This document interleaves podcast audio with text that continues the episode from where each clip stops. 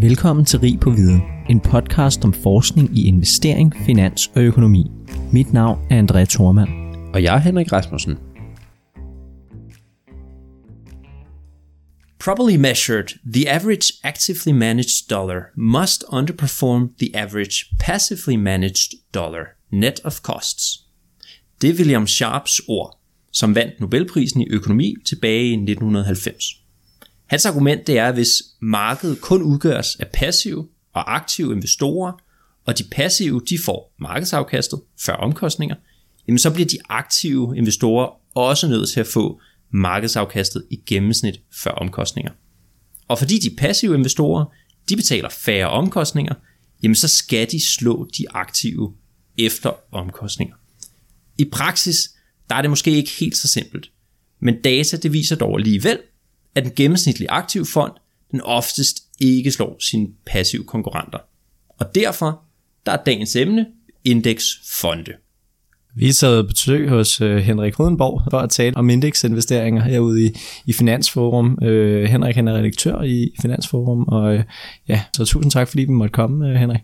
Ja, tak for invitationen. Kan du ikke starte med lidt at, at fortælle lidt om dig selv? Øh, sådan, øh, hvordan kom du til at beskæftige dig med indeksfonde, øh, og måske også lidt om, hvad er Finansforum? Jo, altså jeg har beskæftiget mig med investeringsforeninger en hel del år. Jeg har arbejdet i investeringsfondsbranchen helt tilbage siden årtusind, siden årtusindskiftet, deromkring næsten. Arbejdet med statistikker og analyse og, og bæredygtig finans. Og jeg har altid synes, det har været øh, spændende at følge produktudviklingen inden for investeringsfonde og kapitalforvaltning. Og jeg startede Finansforum her for et års tid siden, øh, som beskæftiger sig med analyser og, og information omkring bæredygtige investeringer. Indeksfonde primært. Vi har som det første produkt lavet en side, der hedder Index Invest, hvor man kan se de forskellige øh, usage øh, ETF'er og, og de danske indeksfonde og sammenholde med omkostninger og se, hvordan de blev, blev, bliver beskattet. Og, og hvis vi så prøver lidt at, at dykke ned i sådan, nu har vi allerede fået noget med usage og ETF'er og sådan noget, og, og, og, og det er måske bare lige for at få sådan styr på begreberne her, sådan, hvad er forskellen på en, på en ETF og en, øh, en indeksfond, hvis der er nogen forskel, og hvad er det, det her usage øh, betyder, hvorfor vi er helt klar, inden vi går i gang? Jo, usage, det står for, det er det europæiske fællesdirektiv for investeringsforeninger og fonde, øh, som regulerer, hvordan forbrugerbeskyttelsen og kapitalspredningsreglerne er i en investeringsfond. Hvor meget likviditet det må være, hvor meget modpartsrisiko, også sådan noget, det skal være i en fond. Og stort set alle ETF'erne øh, i Europa, der som sælges til de danske investorer og de danske investeringsforeninger, de der hedder investeringsforeninger, de er USIS-fonde, så de følger det samme europæiske regelsæt. Så det betyder i praksis, at der er flere ligheder, end der er forskelle mellem øh, ETF'er og danske indeksfonde. Øh, der, hvor der er størst forskel, det er beskatte, skattereglerne og hvordan man køber og sælger fonden. Det er de primærste forskelle der. Og ETF'er, det står jo for Exchange Traded Funds, og, og er jo så vidt jeg ved noget, der er kommet fra, fra udlandet, især i, i USA har det vokset sig stort det er jo kendetegnet lidt som ETF'er, det er indeksfonde, at det typisk er, er passivt investeret i, i nogle brede indeks, men, men ETF'er kan vel sådan set være mange ting, og der kan vel også være aktive ETF'er, eller hvad? Der er nogle enkelte aktive ETF'er, jeg tror, der er cirka 40 aktive ETF'er deromkring, øh, som er noteret på den tyske ekstra børs i, øh, i Tyskland, som er den største ETF-børs i Europa. Men stort set alle ETF'er, de er indeksbaserede, så når, når man taler ETF'er, så taler man normalt så kendetegner man typisk dem som uh, indeksfonde. Og ellers, når vi ligesom kigger ud over verdensbilledet med de her uh, passive indeksfonde, hvor stor en andel af de globale formuer er så i dag sådan cirka investeret i, i, i passive indeksfonde? Hvor, hvor populært er det? I, for, I forhold til formueandelen totalt set, så er det en lille del, der er investeret i uh, indeksfonde. Stadig. Ja, altså man kan opstille det på den her måde. I USA er det den største andel, har den største andel af indeksfonde i verden. Og her er kun cirka 15% af den totale formueandel impliceret i indeksfond. Det er fordi, at der er en masse pensionsselskaber, hedgefonde og mange andre investorer, private, som investerer uden for ETF og indeksfonde, som også investerer. Men der, hvor man kan sige, hvis man kigger på det, hvordan investeringsforeningerne og ETF'er under et øh, investerer i, i aktivt forvaltede indeksfonde, så er cirka halvdelen nu i USA placeret i øh, uh, indeksfonde. Og det skyldes, at der har været en lang, lang overrække i USA, hvor pengene er solgt ud i de aktivt forvaltede fonde, og så er de uh, købt ind i ETF'er og indeksfonde i USA. Og det betyder så, at her i slutningen af 2019, at øh, de, aktiv, de passive fonde i USA, de overhaler de aktivt forvaltede i, i formue.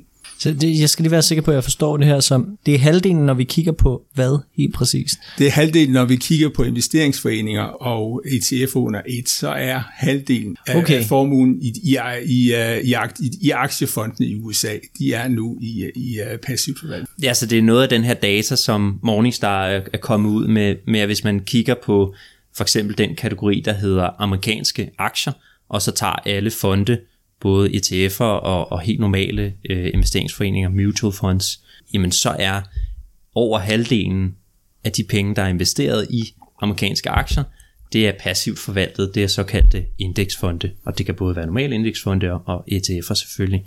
Øhm, og det var sådan lidt et, et bendepunkt, kan man sige, den her historie om passiv forvaltning, og det var noget, der skabte kæmpe stor debat i, i finansverdenen. Øhm, men ellers, Henrik, hvordan så billedet ud for 10 år siden med de her øh, passive fonde? Og cirka i USA for cirka 10 år siden var det kun cirka en tredjedel af aktiefondene, der var passivt forvaltet.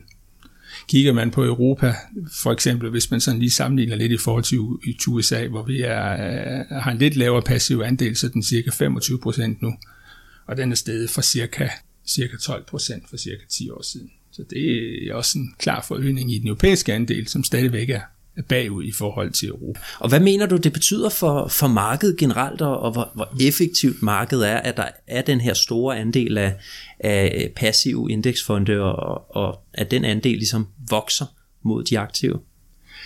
Uh, det er det, man kalder et rigtig godt spørgsmål. Der sker, der, der sker utrolig mange ting på markedet i forhold til de her, i forhold til den dynamik, der sker her. Der er lavet nogle studier fra blandt for Bank of International Settlement og andre finansielle aktører, som, som siger, at den passive andel stadigvæk er så lille, at det ikke betyder det store for markedet. Men der er stadigvæk nogle dynamikker, som det påvirker. Øh, det, man kan sige, det er, øh, der kommer mere fokus på, øh, hvordan for eksempel indeks er sammensat, hvilke selskaber, der går ind og ud af de indekser, hvilke lande, der ud af for eksempel fra emerging markets til developer som, som også kan give nogle muligheder for, for aktivt forvaltet og udnytte de muligheder. Man kan sige, vi kan jo se, hvis vi tager nogle konkrete eksempler, så har vi for eksempel set for nylig Tesla, for eksempel, hvor der var en sag, hvor der lige pludselig var stor spekulation i Tesla-aktien her det sidste halvårs tid, og det blev også forøget, da der kom her i efteråret, kom stor fokus på, kommer Tesla med S&P 500 og gør det ikke. Og der var der mange der sådan spekulerede oven i det ekstra spekulation, der var, at hvis Tesla kommer med i S&P 500, så var de godt klar over, så var der en masse indeksfonde, som skal købe S&P 500, uanset hvad, hvad, fordi der ikke sidder nogen fondsforvalter og vurderer, om prisen er, er rigtigt i forhold til øh, indtjening og fremtidig kvalitet i aktien. Ja, uanset hvor dyrt tester den så må have været, jamen så skulle den faktisk inkluderes i S&P ja, 500. Ja, ja. Altså det, hvis vi tager nogle andre konkrete eksempler, som vi har set for nylig, så har vi jo, øh, så kommer der flere flere specialiserede indeks. Blandt andet har vi set ICR's nye Clean Energy Fund, som er en af de øh, fonde, som er vokset rigtig, rigtig meget her i, i 2020, og også havde et kæmpe afkast på over 100 procent. Og der, der kan man sige, øh, den, øh, den investerer i 30 selskaber, som investerer inden for ny energi, blandt andet øh, Vestas, og den er voldsomt populær blandt mange investorer. Og der har været historier om, at øh, den fond kan lige frem skabe sit eget afkast, fordi den er tvunget til at købe ekstra ind i, i, de, i det lille øh, sæt af aktier, og, som, som så stiger meget i værdi, og, og, og ligefrem skulle udstede kursmeddelelse om, at øh, nu er de største aktionærer i nogle af de st- selskaberne i New Zealand og sådan noget. Ja, det her med de her mere koncentrerede, sådan temabaserede indeks og ETF'er, det kommer vi også ind på lidt senere, hvad fordele og ulemper er ved det. Øhm, men ellers så er det jo bare at sige, som du også nævner med Tesla her, at en af, af de ulemper, der netop er ved indeksinvestering, det er, at de nogle gange er tvunget til netop at købe ind i de her selskaber, som inkluderes i, i indeksene. Øhm, der tror jeg så personligt, at, at fordelene ved ETF'er opvejer den øh, ulempe, som, som øh, fra tid til anden kan komme op til, til debat øh, i det offentlige, når nye aktier skal inkluderes. Øhm, og ellers så er det jo noget, man kan komme udenom, hvis man for eksempel køber en utrolig bred ETF, som faktisk inkluderer hele markedet, for eksempel sådan en som Vanguard Total Stock Index, øh, der vil man på, an, øh, på intet tidspunkt se, at nye aktier skal inkluderes, fordi den indeholder bare automatisk alt. Ja, det er rigtigt.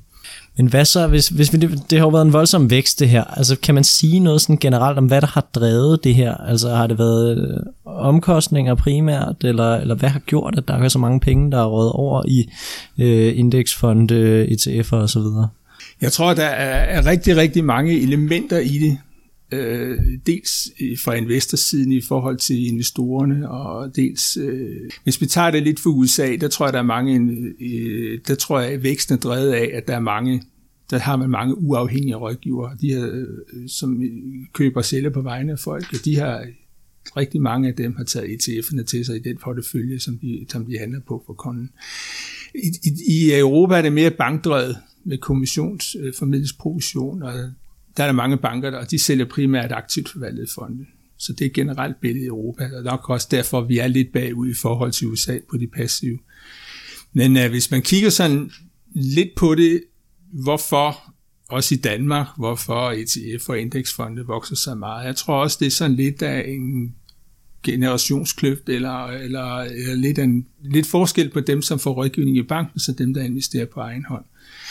Og øh, jeg tror, mange nye investorer, så vidt jeg, så, så, som jeg kan se, øh, mange af de unge, dem der investerer på egen hånd, de øh, kan godt se en indeksfond, og det, man kan få et, et, et ganske almindeligt markedsafkast, jamen, det kan man jo se i de sine år. Det er faktisk et ganske, ganske pænt afkast, man kan få bare hver aktie. Der er ikke noget, nogen grund til at betale højere omkostninger for at risikere at, at få et mindre afkast i, i jagten på at få et højere afkast, fordi at øh, markedsafkastene har været gode, og det er mange, der kan godt se nu. Så mange de, øh, de øh, kigger på, at de gerne vil investere i indeks, og så satse på og sammensætte en god portefølje af, af, af en bred portefølje af indeks, som man kan se, eller en, for eksempel en global aktieportefølje, og så minimere omkostningerne i stedet for. Og øh, så er der en anden ting, det er jo, vi har jo fået MIFID-reglerne og MIFID 2 som opdateringer, hvor der er kommet større fokus på omkostninger og produktforbedrende services og sådan noget. Det tror jeg også, at det betyder lidt, at øh, nu der kommer større fokus på omkostninger. Og så har vi også fået, så har vi også fået tendensen fra, fra udlandet med, at vi får mange robot advisors, vi har fået Norden så vi har fået June og sådan noget. Mange af de der robotrådgiver, de investerer i indeksfonde. Og øh, vi har også fået en større udbud af uafhængige rådgiver i Danmark, øh, som får flere kunder. Og de investerer også en, rigtig mange af dem, de bruger også indeksfond i porteføljen. Så der er rigtig, rigtig mange elementer i, tror jeg, hvorfor indeksfonde og ETF'er begynder at blive mere populære. Ja, personligt så synes jeg jo, det er en rigtig god udvikling for investorerne globalt, at de i højere grad kommer ind i de her produkter, som er billige, har en rigtig god spredning, og som er meget sådan simple produkter i virkeligheden. Øh, og de gør jo, når man har en, en passiv indeksfond, der bare ligger i hele verdensindekset, så er der meget færre beslutninger, man skal tage. Man skal ikke sidde og analysere, hvad for nogle aktier, der er de bedste og der er de dårligste. Øh, man kan virkelig bare holde på sin aktiefond, øh, indtil man en eller anden dag har brug for at sælge ud, fordi ens risikoprofil måske ændrer sig. Øh, og det synes jeg jo er en utrolig fornuftig udvikling øh, af investorerne, de går den vej. Jamen det er jeg enig i. Altså man kan sige, det man, hvis man investerer i indeksfonde, så kan man mere koncentrere sig omkring at få en god aktiv sammensætning. Altså man behøver ikke at, at koncentrere sig om, har jeg en god forvalter, eller klarer han sig nu godt i forhold til markedet, eller skal jeg skifte ham ud og sådan noget. Det er ligesom element, der ryger ud, så man kan koncentrere sig om, hvor stor en andel skal jeg have, for eksempel i obligationer, og hvor stor en andel skal jeg have i europæiske aktier. Du sagde noget super interessant øh, før, øh, Henrik, som jeg lige bed mærke i, i forhold til det her med, at, at andelen af, den, at de passive investeringer i USA egentlig er meget større end i Europa, fordi der er noget med de anbefalinger, der kommer fra bankerne. Øh, kan du ikke lige prøve at uddybe det? Hvad er det, der er forskellen her? Og er der så en, altså en stor upside i Europa, eller hvordan, øh, i takt med, at der kommer mange flere penge øh, til at blive forvaltet øh, passivt også her? Oh, det er, det er det sådan lidt diskussion om, øh, hvor meget upside der er i ETF'er i Europa, også fordi at bankdistributionen har ret stor kraft i Europa. Der arbejdes på, at ETF'er kan blive, kan blive få en større andel i Europa. Øh, men øh, det er blandt andet det problem, at, øh, eller den udfordring, der har været, at vi har haft et, meget, vi har et mere fragmenteret marked i Europa, hvor der handles på forskellige børser, øh, forskellige lukkede tider og hans valuta og, og der deromkring. Og det, øh, det betyder, at det har afskrækket en del investorer i Europa, fordi de ikke rigtig har haft overblik over ETF'er i forhold til deres normale hjemmemarked for, for, for fonde. Så hvor meget ETF'er kommer ind i bankhylderne i Europa, det er der sådan lidt det er der ikke helt klarhed over endnu. Men altså, hvorfor er de ikke bankhylderne i dag? Altså, øh, jamen, sådan der, er, der, der, er, der er ikke så meget, der betales ikke så meget i salgsrådgivning i ETF'er, som gør i almindelige, bank, i almindelige fonde, som distribueres via bankerne. Så derfor har bankerne, mange banker, de har en større incitament til at sælge aktivt forvaltet fonde frem for ETF'er. Og øh, hvis man kigger i Danmark for eksempel, så er der mange af dem, som, øh, som køber ETF'er, de køber for eksempel via de nye handelsplatforme, øh, som er hvor der for eksempel ikke er noget depotgebyr øh, i for eksempel. Det betyder for eksempel, at hvis man køber en via en bank, så er der ofte et, også et, det, det, hvor man selv investerer, for eksempel via banken, så er der for eksempel typisk et depotgebyr, ofte så op på 0,3 procent eller sådan for at have ETF'en i sin beholdning. Så det er også en af de ting, som gør, at, øh, at nogle er lidt tilbageholdende med at investere for eksempel i udlandske ETF'er. Men, men der er jo noget rimelig afgørende her. Altså, så, så som jeg hørte, så grunden til, at ETF'er ikke har den samme, det samme indpas i Europa, det er blandt andet fordi, at bankerne lader være med at anbefale dem, fordi der er noget med, at de tjener lige så mange penge på at anbefale dem egentlig, selvom det måske godt kunne være bedre. Er det rigtigt forstået? Eller? Ja, det kan man sådan set godt sige, sådan kort fortalt, ja. Det er en meget god konspirationsteori, du har gang i der, men, men jeg, tror, jeg tror bestemt, der er noget hold i det. Øhm, nu har vi dog set på det seneste, at der er flere af de aktive forvaltere, også bankerne, som er kommet mere ind på øh, indeksfonde. For eksempel snakkede vi jo også lidt om, om Danske Invest. De er kommet ud med nogle øh, indeksfonde, og de har overtaget ProCapture-fondene, som også var klassiske indeksfonde. Øh, så de er også begyndt at have sådan en meget billig øh, palette af indeksfonde og passive investeringer også. Og, og man begynder også i, på private banking området at, at sætte porteføljer sammen, øh, til kunderne, hvor man både har en, en aktiv øh, del, og så også har en, øh, et passivt øh, produkt. Ja. Ja, det er jeg fuldstændig enig i. Ja, og der er udbydes, øh, begyndt at blive et, et større udbud af indeksfonde, også for alle de danske investeringsforeninger. Det er dog primært Sparindex og, og Danske Invest i Danmark, som udbyder de fleste indeksfonde i Danmark. Ja, og så er der jo også kommet, som du også selv sagde, de her robo-advisors, ikke? Altså en June og en, hvad hedder den hos øh, Bankinvest, hedder den uh, Darwin, Darwin eller sådan noget. Ja. Og så hedder den Nora eller sådan noget hos Nordea, ikke? Øh, som jo også, som du sagde, investerer i ETF'er. Jeg er ikke helt sikker på, at Nora investerer i passiv fond. Nå, okay. Men uh, det gør i hvert fald, uh, i hvert fald, i hvert fald June og uh, Darwin Ja, noget af det seneste, vi hørte på den front, det var, at Danske Invest de ville øh, stoppe med at være, med at være aktiv på amerikanske aktier, og i stedet stille sig øh, passiv. Jeg ved ikke, om du kan fortælle lidt mere om, øh, om den nyhed? Jeg tror, at Danske Invest de omlag i, i november, så omlagde de øh, tre USA-afdelinger til detailinvestorer til, øh, til, til passive investeringsforeninger. Og det er, det er en rigtig god nyhed, synes jeg. Og der, det har handlet lidt med afkastet i de aktivt forvaltede fonde, og de har sådan ligesom kastet håndklæden i ringen og sagt, at det bedste tilbud, de kan give til deres investorer lige nu, det er at tilbyde indeksafkast. Og øh, det tror jeg er et, øh, det tror jeg er et rigtig godt tilbud til investorerne. Men er det ikke rimelig vildt? Altså det, er det ikke sådan rimelig epokegørende, at man, man siger det? Eller? jo, det kan du godt sige, en af de største kapitalforvaltere, nu kan helst vil udbyde et indeksprodukt til, til investorerne, men øh, de er, jeg synes, det, er, det koster 0,35 procent, og øh, så det er, det, det, der er ligesom øh, manglet nogle gode passive til, på USA-aktier til, til investorerne, så jeg synes, at det er et godt initiativ. Ja, jeg tænkte på for lytternes skyld, øh, skyld, vi måske lige kunne rise op sådan, når vi taler lave omkostninger på ETF'er og indeksfonde, hvor, hvor lave er de omkostninger så? Altså for eksempel, hvad er forskellen mellem omkostningerne på en øh, ETF, en passiv ETF, og så et aktivt forvaltet produkt, sådan cirka? Sådan cirka, hvis vi kigger på de danske indeksfonde i første omgang, så er omkostningerne cirka en tredjedel så høje i de løbende omkostninger i forhold til de passive. Der er cirka sådan slag på tasken, cirka 1% forskel. Altså mange af de danske passive danske indeksfonde koster omkring 0,5% eller muligvis lidt lavere, mens mange af de aktivt forvaltede ligger omkring 1,5 procent deromkring. Ja. Så er der lidt forskel fra kategori til kategori, men deromkring.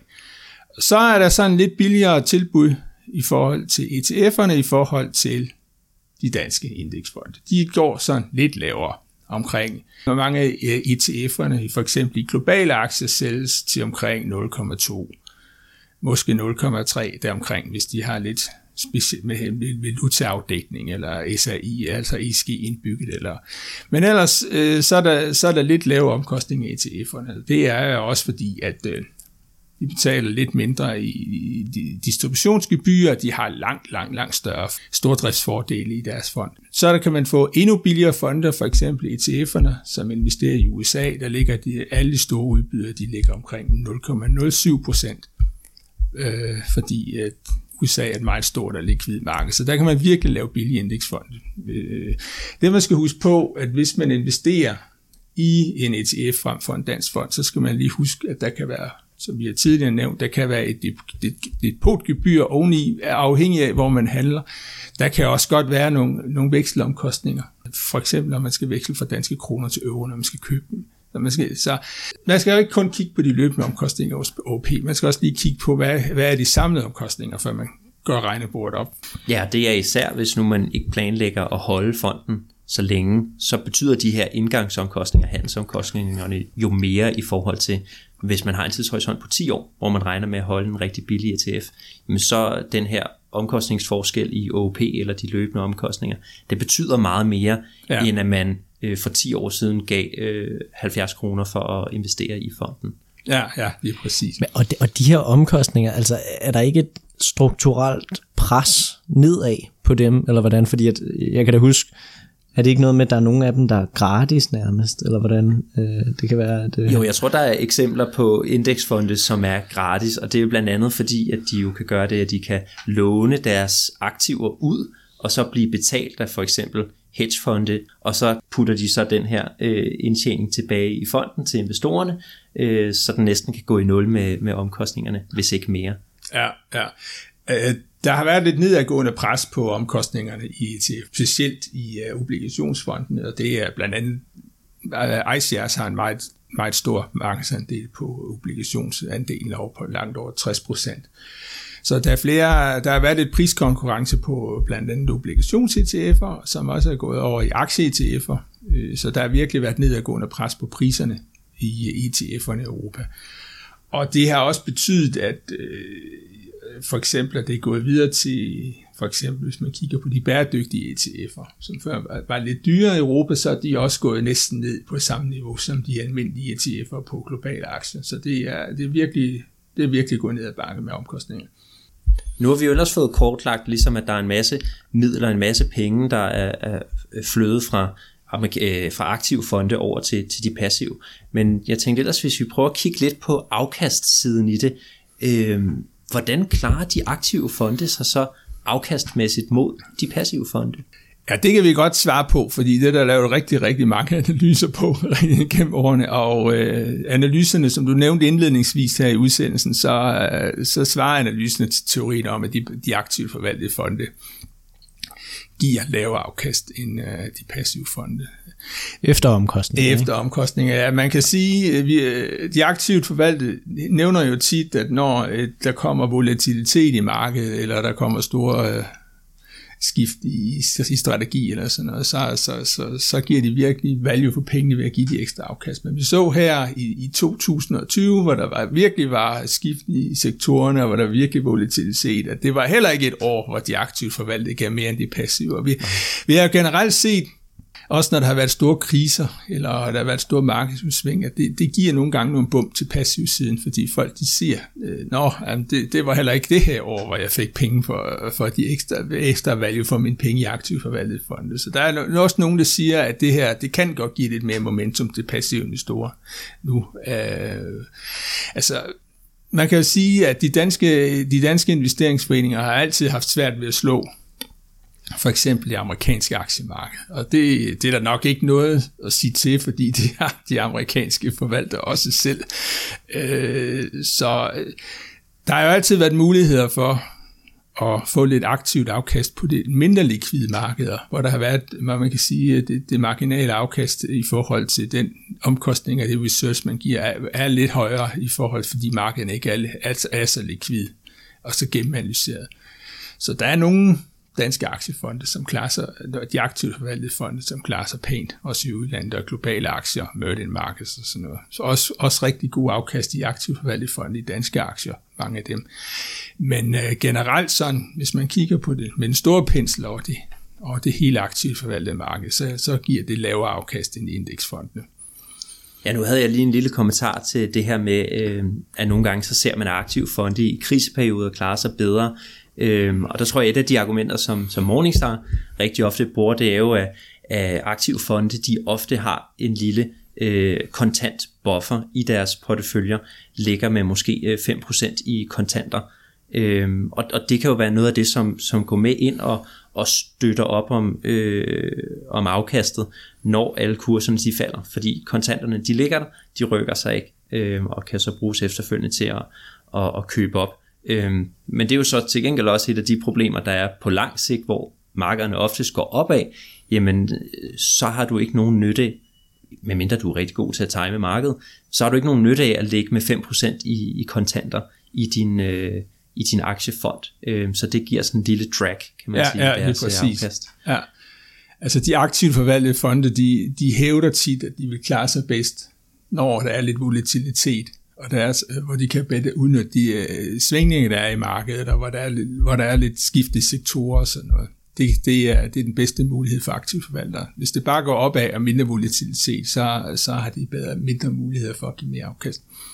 Ja, ellers i forhold til der, hvor øh, aktive fonde klarer sig bedst rent øh, afkastmæssigt, øh, så noget af det, som Morningstar, nu tager jeg lige som Morningstar, det er jo fordi, jeg har siddet som øh, student derinde i en, i en årrække, øh, men, men hvis man ser på data fra Morningstar, så er det især svært for de aktive fonde med amerikanske aktier, som du også nævnte, at slå de passive fonde. Øhm, til gengæld så er der flere aktive fonde, der outperformer i sådan noget som emerging markets, i small cap aktier eller high yield obligationer for eksempel. Øh, og jeg tænker på, øh, mener du, at det ligesom kan give mening, øh, hvis man som investor både har nogle passive fonde øh, på nogle områder, og så samtidig investere i, i nogle af de aktive fonde på de områder, hvor det giver bedst mening, og, og, eller det er nemmest at vælge en forvalter, der måske outperformer. Fordi for eksempel amerikanske aktier, øh, der kan man måske tale om, at markedet er meget mere efficient, og aktierne er prissat korrekt, så derfor er det sværere for en forvalter at, at outperforme der, og det er måske også noget af det, man ser i, i data.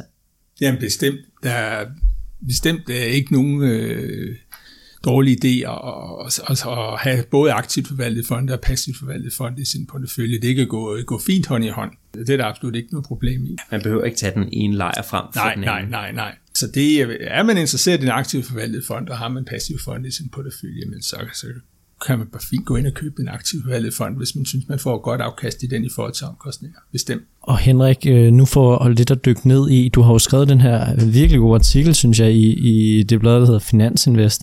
Øhm, og der er jo en masse forskellige ting, men en af de ting, jeg, jeg i hvert fald lige bider mærke i, og vi kan måske tage det overordnet øh, bag, for nu har vi jo talt lidt om det generelt, ikke? Men, øh, men en af de ting, jeg bider mærke i, det er det her omkring, ETF-udbydernes sådan markedsandele i Europa, øh, som jeg synes lidt er interessant. Har du sådan en figur, og øh, så vidt jeg læser den, så udgør, hvad hedder det, iShares, altså BlackRocks markedsandel på sådan noget øh, næsten 45 procent. Altså, kan du ikke fortælle lidt om, altså hvor stor en betydning har BlackRock på det her ETF-marked, og har det nogen konsekvens, at det er en, der sidder på sådan en stor andel af, af markedet? Ja, altså jeg havde da gerne set, at der var lidt mere spredning i, i de store ETF-udbydere. Altså, jeg tror, det, det har, de, de andre ETF-udbydere har jo forsøgt at, at sænke omkostningerne lidt og presse ICRs lidt på omkostningerne. Øh, det er ikke rigtig lykkedes endnu, og, og, og specielt på obligationer er ICRs rigtig store også. Øh, det man kan sige, det er, at øh, de danske, danske investorer, rigtig mange af dem, det kan man også se i artiklen, altså de mest populære fonde hos investorerne, det er iShares. Øh, det med generelt så forsøger mange af de andre produktudbydere, og, og der kommer flere øh, ETF-udbydere, som, øh, som forsøger at, øh, at give lidt anderledes produktudbud i forhold til temainvesteringer, i forhold til momentum og ESG og sådan noget. Så det kan, fordi indeks indeksinvesteringer er stordriftsindustri. Det er, køber, de, køber man de normale globale afdelinger, så er der rigtig, rigtig mange investorer, de vil gerne have de laveste omkostninger som muligt. Så jo større, så jo større ETF-udbyder du er, jo lavere omkostninger kan du tilbyde. Så jeg synes, det er, som vi, som vi nævnte før, det er spændende, hvad det kommer til at betyde. Øh, jeg tror, de, jeg tror mange af de øvrige, de forsøger at differentiere sig lidt i forhold til ICRs, men øh, jeg har jeg tror, at ICRs, de, de bliver svære at slå og, og, og, og, og tage markedsandel fra, hvis jeg skal være ærlig. Og ser det lige sådan ud i USA, eller hvordan? Ja, der er også de tre største udbydere i USA, har rigtig store markedsandel. ICRs er også størst i USA. Men det er jo faktisk vildt nok, fordi det er jo sådan lidt, altså nu monopol jo selvfølgelig, når der er en, ikke? men altså det er jo sådan lidt agtigt, hvis man sidder på halvdelen af markedet. og de andre har her på din figur har de sådan 10% 8% og så videre. Ikke? Ja, det er rigtigt. Øh, hvis du kigger på det danske marked, så er de tre største udbydere for indeksfonde øh, i Danmark, Sparindex og Dansk Investor og Bankinvest, så er det, hvis du kigger der, så er det jo faktisk lige så stor andel af de største udbydere, der sidder på indeksmarkedet i Danmark, så det er jo ikke fordi, det er nogen specielt kendetegn for Europa. Jeg tænkte, noget af det, som du i din artikel taler en del om og illustrerer rigtig godt, det er sådan noget med skat, og, og det er jo rigtig øh, avanceret og indviklet, øh, de danske skatteregler, men, men jeg tænkte på, at vi måske lige kunne komme ind på, hvad man skal tænke, når man skal købe en ETF, øh, hvad der er betydning rent skattemæssigt øh, for det valg, sammenlignet med at købe en helt normal dansk fond. Ja, det er faktisk lidt kompliceret, og dog, altså, det kan både være kompliceret og gøres enkelt. Øh, der, hvor det bliver kompliceret, det er mest for frimidler. Der kan, der kan være forskel på, om ETF'en er kapitalindkomstbeskattet eller aktieindkomstbeskattet. For frimidler, så har man jo mulighed for at blive realisationsbeskattet, hvis man køber danske udbyttebetalende fonde med udbytter, eller man har mulighed for at blive lærbeskattet med ETF'er, og de kan så blive øh, lærbeskattet med aktieindkomst, hvis de er på skatspositiv liste, og de kan blive kapitalindkomst beskattet også med lagerbeskatning, hvis de ikke er på skatspositiv liste. Så hvis man sidder for frie midler, så skal man jo virkelig tænke sig om og kigge på, øh, vil jeg have øh, ETF'en øh, med lærerbeskatning, eller vil jeg have en dansk fond med recessionsbeskatning? Og det er et valg, man skal tage, og der er ikke rigtig nogen klart svar på, hvordan, hvad der er bedst for investorerne, sådan rent afkastmæssigt efter skat. Det øh, drøftes der meget, og det afhænger både af ens øvrige indkomst og afkastudvikling og sådan noget. Det man kan sige for, for frimidler, det er, at de fleste investorer, det er lidt, har man for eksempel en fond i 10 år, så er det lidt nemmere med at fond, fordi så skal du betale skat, når du selv efter 10 år. Men med lærbeskatning, så skal du jo hver eneste år kigge på, skal jeg nu betale ekstra ind til skatten, selvom jeg ikke har solgt. Og så, så, så nogle investorer, de foretrækker de danske realisationsbeskattede fonde, og andre investorer, de foretrækker så, de kigger så på, ja, jeg har måske større produktudbud inden for ETF'er, og jeg kan måske få en billigere ETF, øh, så det vælger jeg måske til mod så, og, og, og, selvom jeg får lærerbeskatning. Det er ligesom de to ting, mange vejer op imod hinanden. Ja, lige for hurtigt at tage forskellen på realisationsbeskatning og lærerbeskatning, så, så er realisationsbeskatning jo så, når man sælger sin danske investeringsforening, så er det først der, man betaler skat på den, så man kan opbygge en rigtig høj gevinst på den over flere år, øh, og først vælge at sælge den til allersidst, hvor man så betaler skatten. Mens hvis man øh, er lagerbeskattet med en øh, ETF, men så betaler man den her skat ved, ved udløbet af hvert år. Så hvis man i 2020 har haft en gevinst på sin ETF, så betaler man skatten af den med det samme, uanset om man har solgt øh, fonden eller ej. Og, og man kan sige, at en af ulemperne ved den her lærerbeskatning, det er jo eksempelvis, hvis man i 2020 har fået et rigtig, rigtig højt afkast på sin fond, så betaler man skatten af den. 1. januar kan der så måske ske det, at aktiemarkedet falder helt vildt, og lige pludselig så sidder man ikke med en gevinst længere og har betalt en masse skat. Det er noget af det, man måske kan frygte lidt. Ja, der kan også være, der kan også være gode ting med lav beskatning. Hvis der har været øh, tab, så kan du få nogle penge ind fradrag, som du så kan benytte til investeringer. Men det er måske, altså med lav beskatning, så skulle du sidde og justere mere løbende øh, i forhold til dine investeringer. Og det, hvis du er fuldt investeret, og du lige pludselig skal betale skat, så skal du lige pludselig finde ud af, hvor, hvor skal jeg finde penge til skatten fra. Så skal du skyde ekstra penge ind, eller du skal måske til at sælge nogle af dine aktier for at betale skatten. Og så, så det, der er lidt mere løbende vedligehold og ved, ved en lærebeskatning i hvert fald. Men, men jeg forstår, fordi det her det har været lang tid, jeg ikke har forstået det her. Hvorfor er det, at ETF'er ikke at jeg ved ikke, det er politisk valg, men hvorfor er det danske indeksfonde af realisationsbeskattet, og, og ETF'er ikke er det? Det er noget skatteteknisk. Skal man være realisationsbeskattet, så skal du udløje en vis andel af årets overskud af dine indtjente udbytter som udbyttet hvert år. Det er lidt teknisk, og det kræver et særligt setup at, at gøre. Og det betyder så, at det stort set er kun de danske øh, investeringsforeninger, som primært servicerer det danske marked, som laver det setup. Så derfor øh, har man så lavet det øh, setup for nogle år siden, øh, hvor man lavede de nye skatteregler fra, fra, fra sidste år, 2020, at øh, akkumulerende fonde, som ikke udbetaler de her minimumsudlønninger, de har mulighed for at blive, at blive aktieindkomstbeskattet, hvis de meddeler skat senest 1. november, at det vil komme på en positiv liste for aktieindkomstbeskattet fond for det kommende øh, skatteår, Øh, mod, øh, kommer man så på positivlisten, så er man aktieindkomstbeskattet med lagerbeskatning. Så der er altså mulighed for nu, altså du kan sige, for før 2020 kunne du slet ikke investere i ETF'er uden at betale øh, kapitalindkomst, så, det er, så, det, så der er rigtig, der er sket lidt, så det bliver en bedre mulighed for private øh, at købe ETF'er.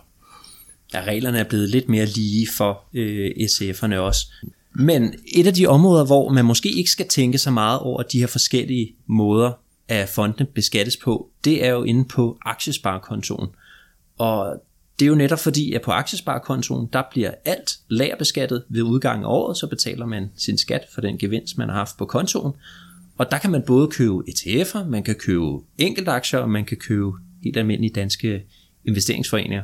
Og jeg tænker, når man nu er på aktiesparekontoen, og man ikke skal tænke over skat, og ETF'erne bare er langt billigere end alternativerne, er det så et, øh, er det bare lige ud af landvejen, at så er det det, man skal have på sin aktiesparekonto? Ja, det kan man godt sige. Der er rigtig mange investorer, som, som vælger at sige, nu når alt er beskattet, så er der, ikke, så er der mindre overvejelser at gøre ved at vælge en ETF. Så er der mange, der siger, at man kan få et større produktudbud, jeg kan få lavere omkostninger ved at vælge en ETF. Der hvor man kan sige, hvis man både har, har enkelte aktier, som er realisationsbeskattet, og øh, investeringsfonde og ETF'er, som bliver, som bliver lært beskattet på aktiesparekonto, så er der flere, der siger, at så vælger jeg at have min fonde på min aktiesparekonto. Hvis man for eksempel øh, har fyldt den op, med, øh, har fyldt den op så kan man have sin fonde på den, hvor der er lav beskatning, og så holde sin realisationsbeskattede aktier uden for aktiesparekonto, og så holde dem på sit almindelige depot for eksempel. Noget af det, som jeg faktisk selv gjorde med min aktiesparekonto, det var jo, at, at da jeg startede den i 2019, hvor det har været, at den blev lanceret, øh, der købte jeg faktisk enkeltaktier, nogle få enkeltaktier, men så regnede jeg lidt på det, og fandt jo ud af, at rent faktisk på grund af den her lagerbeskatning, så kan det ikke rigtig betale sig på sin aktiesparekonto at have en meget volatil portefølje, øh, som det jo for eksempelvis vil være, hvis man kun har enkeltaktier. Og det er fordi, at når man har en meget volatil portefølje, så kan man risikere, at den i det ene år har et rigtig højt afkast, som man bliver beskattet af, og i året efter har et meget negativt afkast, som man så vil få et fradrag, et skattefradrag, som øh, man har til gode. Og det her skattefradrag, det kan man jo ikke bruge med det samme, fordi det ligger inde på aktiesparekontoen, og det kan kun fradrages i fremtidige gevinster på aktiesparekontoen. Så hvis man risikerer, at man får et stort tab på sin aktiesparekonto, så kan man først bruge det her fradrag i fremtidige års gevinster, og der kan gå et år eller to år, før man rent faktisk kan udnytte det her fradrag. Øhm, så det jeg gik ind og gjorde, da jeg lavede den beregning, det var, at jeg solgte ud af de enkelte aktier, jeg havde på aktiesparekontoen, og så købte jeg en billig ETF i stedet. Fordi det man kan være helt sikker på, når man køber en ETF eller en fond med en langt større spredning, det er jo netop, at volatiliteten eller risikoen er lavere end hvis man har nogle få enkelte aktier. Så på den måde kan man godt arbitrere lidt, kan man sige, eller optimere den her skat, i hvert fald i mit hoved. Det ved jeg ikke, hvordan, hvad du tænker om det. Jo, jeg har, jeg har set mange diskussioner om det, og, og der er ikke rigtig... Øh, der er rigtig, rigtig, rigtig mange parametre at tage hensyn til, øh, når man skal vælge, øh, hvilken beskatning man vil have. Du har recessionsbeskatning, du har beskatning, du har aktiesparekonto og frie midler.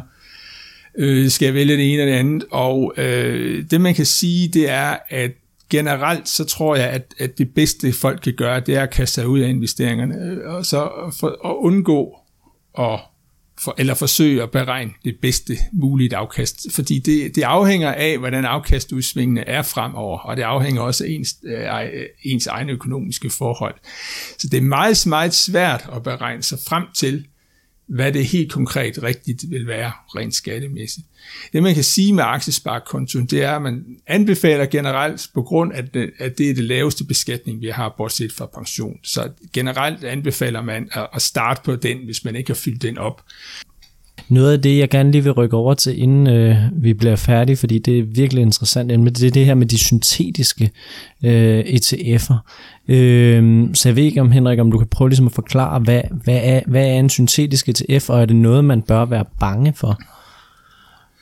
En syntetisk ETF er, har man en, er en får man afkastet via afledte derivater, finansielle instrumenter, hvor man har en modpart, typisk via en swap, som så leverer afkastet til fonden. Og det bytter man simpelthen afkastet. En syntetisk ETF investerer i nogle værdipapirer, det kan være aktieobligationer, som ikke nødvendigvis er det, som skal levere afkastet.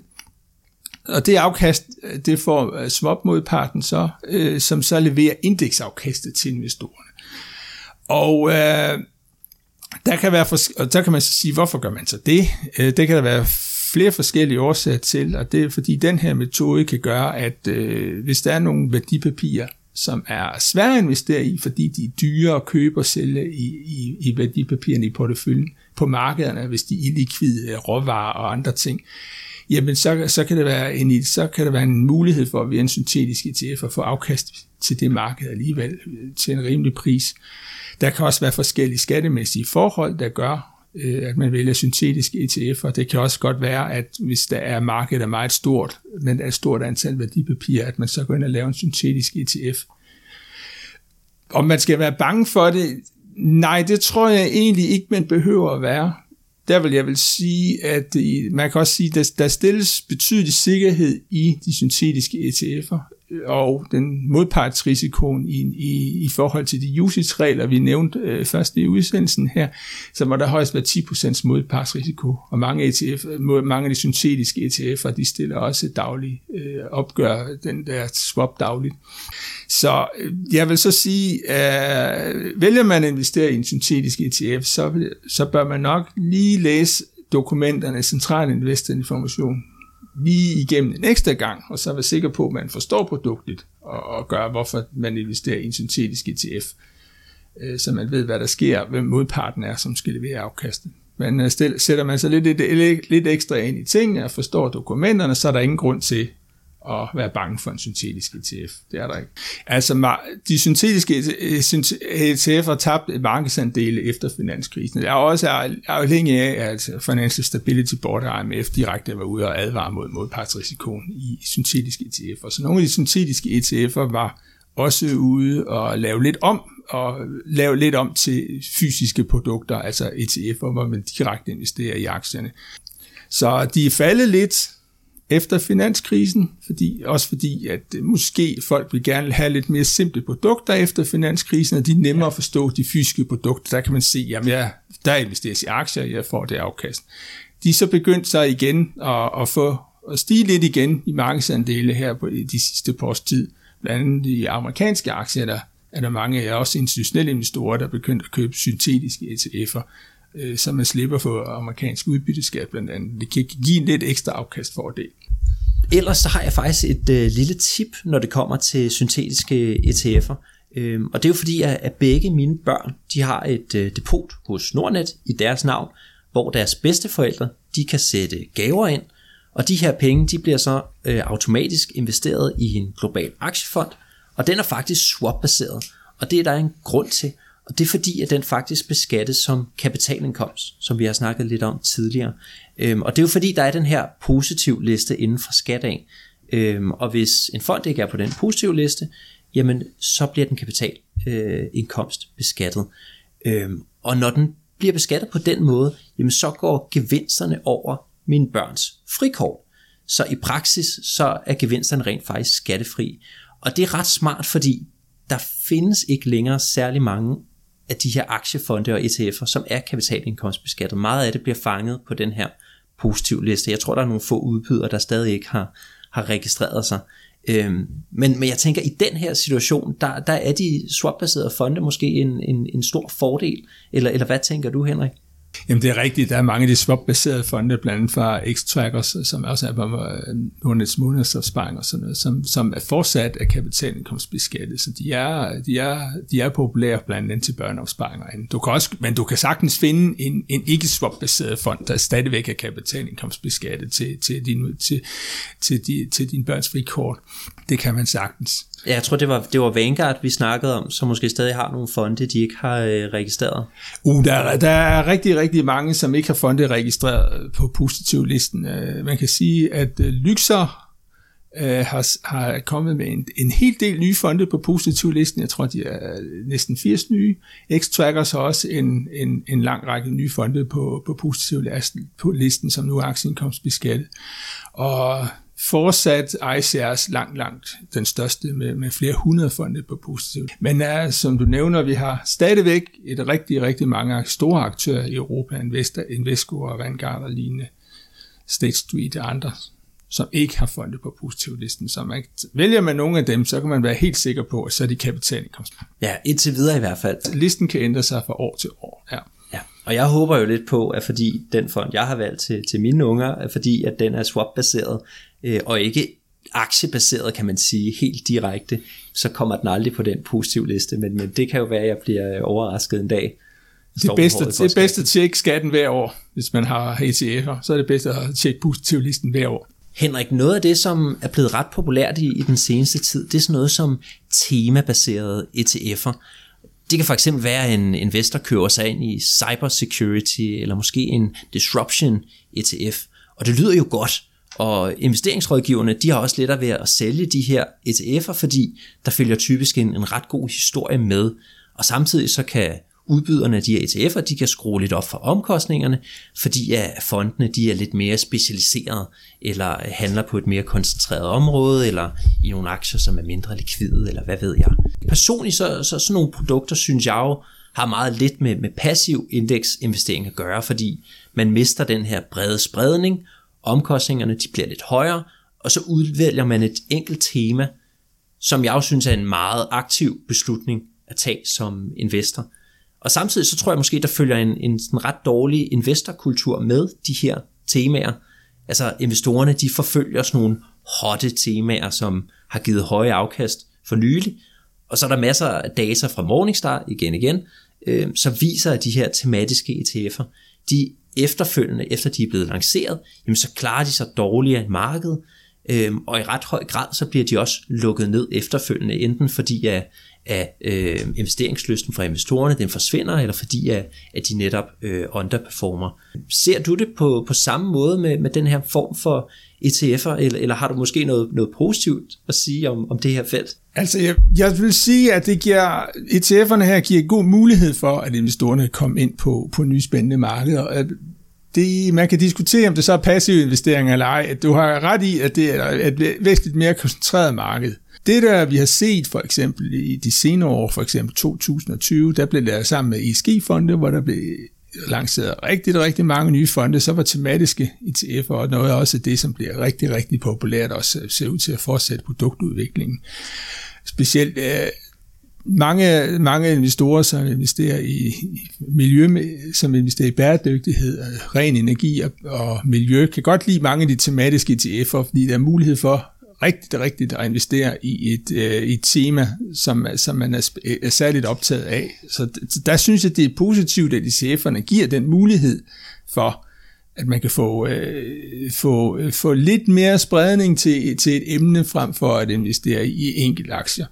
Det, der kan være det, det der problem her, det er, at øh, indeksene er noget mindre og øh, indekssammensætning, og vi ser også vi ser også, at der kommer ret mange nye, ret specialiserede indeks fra nogle mindre udbydere, som udbyder indeks, som er specialdesignet til de enkelte ETF'er, som udbydes her. Så det skal man lige være opmærksom på, at, øh, at, at hvordan indekssammensætningen er, og det betyder også, at øh, selve ETF'en kan også gå ind og investere i et ret lille marked, hvor investorerne, som mange, der investerer i de her tematiske ETF'er, måske ikke kigger så meget på prisudviklingen i forhold til hvad er værdi, kvaliteten af aktierne i de underliggende indeks. Så jeg vil sige, du nævnte en række, du nævnte en række øh, mindre gode ting ved dem, og det, dem er jeg sådan set enig i, men jeg synes også, der er ret mange gode positive ting. Men som sagt, man, det man kan sige med tematiske investeringer, det er, at man skal sørge for at have en grundportefølje. Hvis man har en god grundportefølje, men for eksempel en god grunddækning i en høj andel af, af, af globale aktier, en vis andel obligationer eller lignende, som giver en sikkerhed på porteføljen, så kan man godt bruge de her tematiske ETF'er som krydderi i sin portefølje. Det skal også være, det skal også gerne være lidt spændende at investere. Så synes jeg ikke, det skader, at man har en lille andel i sin portefølje til tematiske ETF'er for at gøre investeringsforrejsen også lidt mere spændende.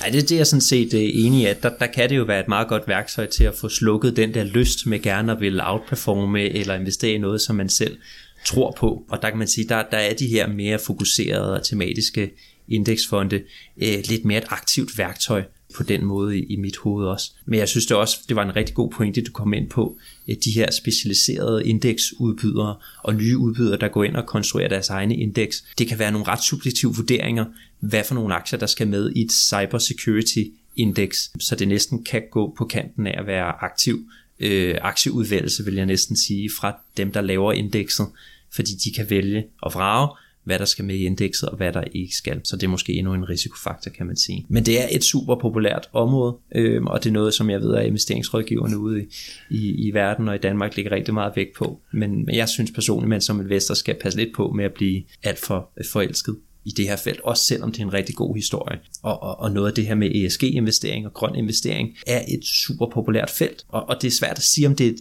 decideret tema, fordi det er også rigtig, rigtig bredt. Man kan sagtens have en global aktiefond, der har noget negativ screening, eller som fokuserer mest på de aktier, der, der scorer højt på, øh, på bæredygtighed og på ESG.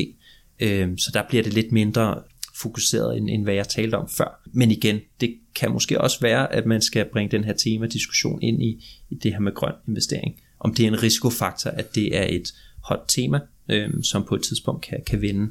Men det er jo også noget, som vi har snakket meget om øh, i nogle af vores tidligere episoder, og det bliver spændende at se, hvad der sker. Bestemt.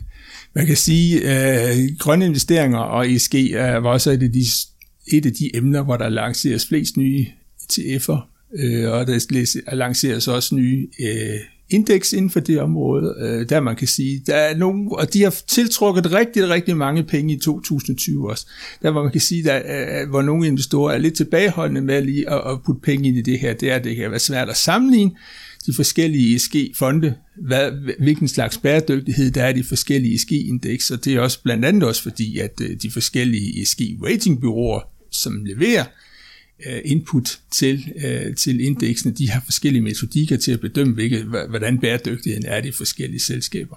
Så det er, lidt, det er stadigvæk lidt af en jungle, men når vi får lidt mere lovgivning på vej fra EU, så kommer der måske en smule mere harmoni i, hvad der er bæredygtighed. Tusind tak, fordi vi måtte komme på besøg, Henrik. Det var virkelig øh, spændende at dykke ned i det her emne. Ja, selv tak. Det var virkelig en fornøjelse. Ja, tak for snakken, Henrik.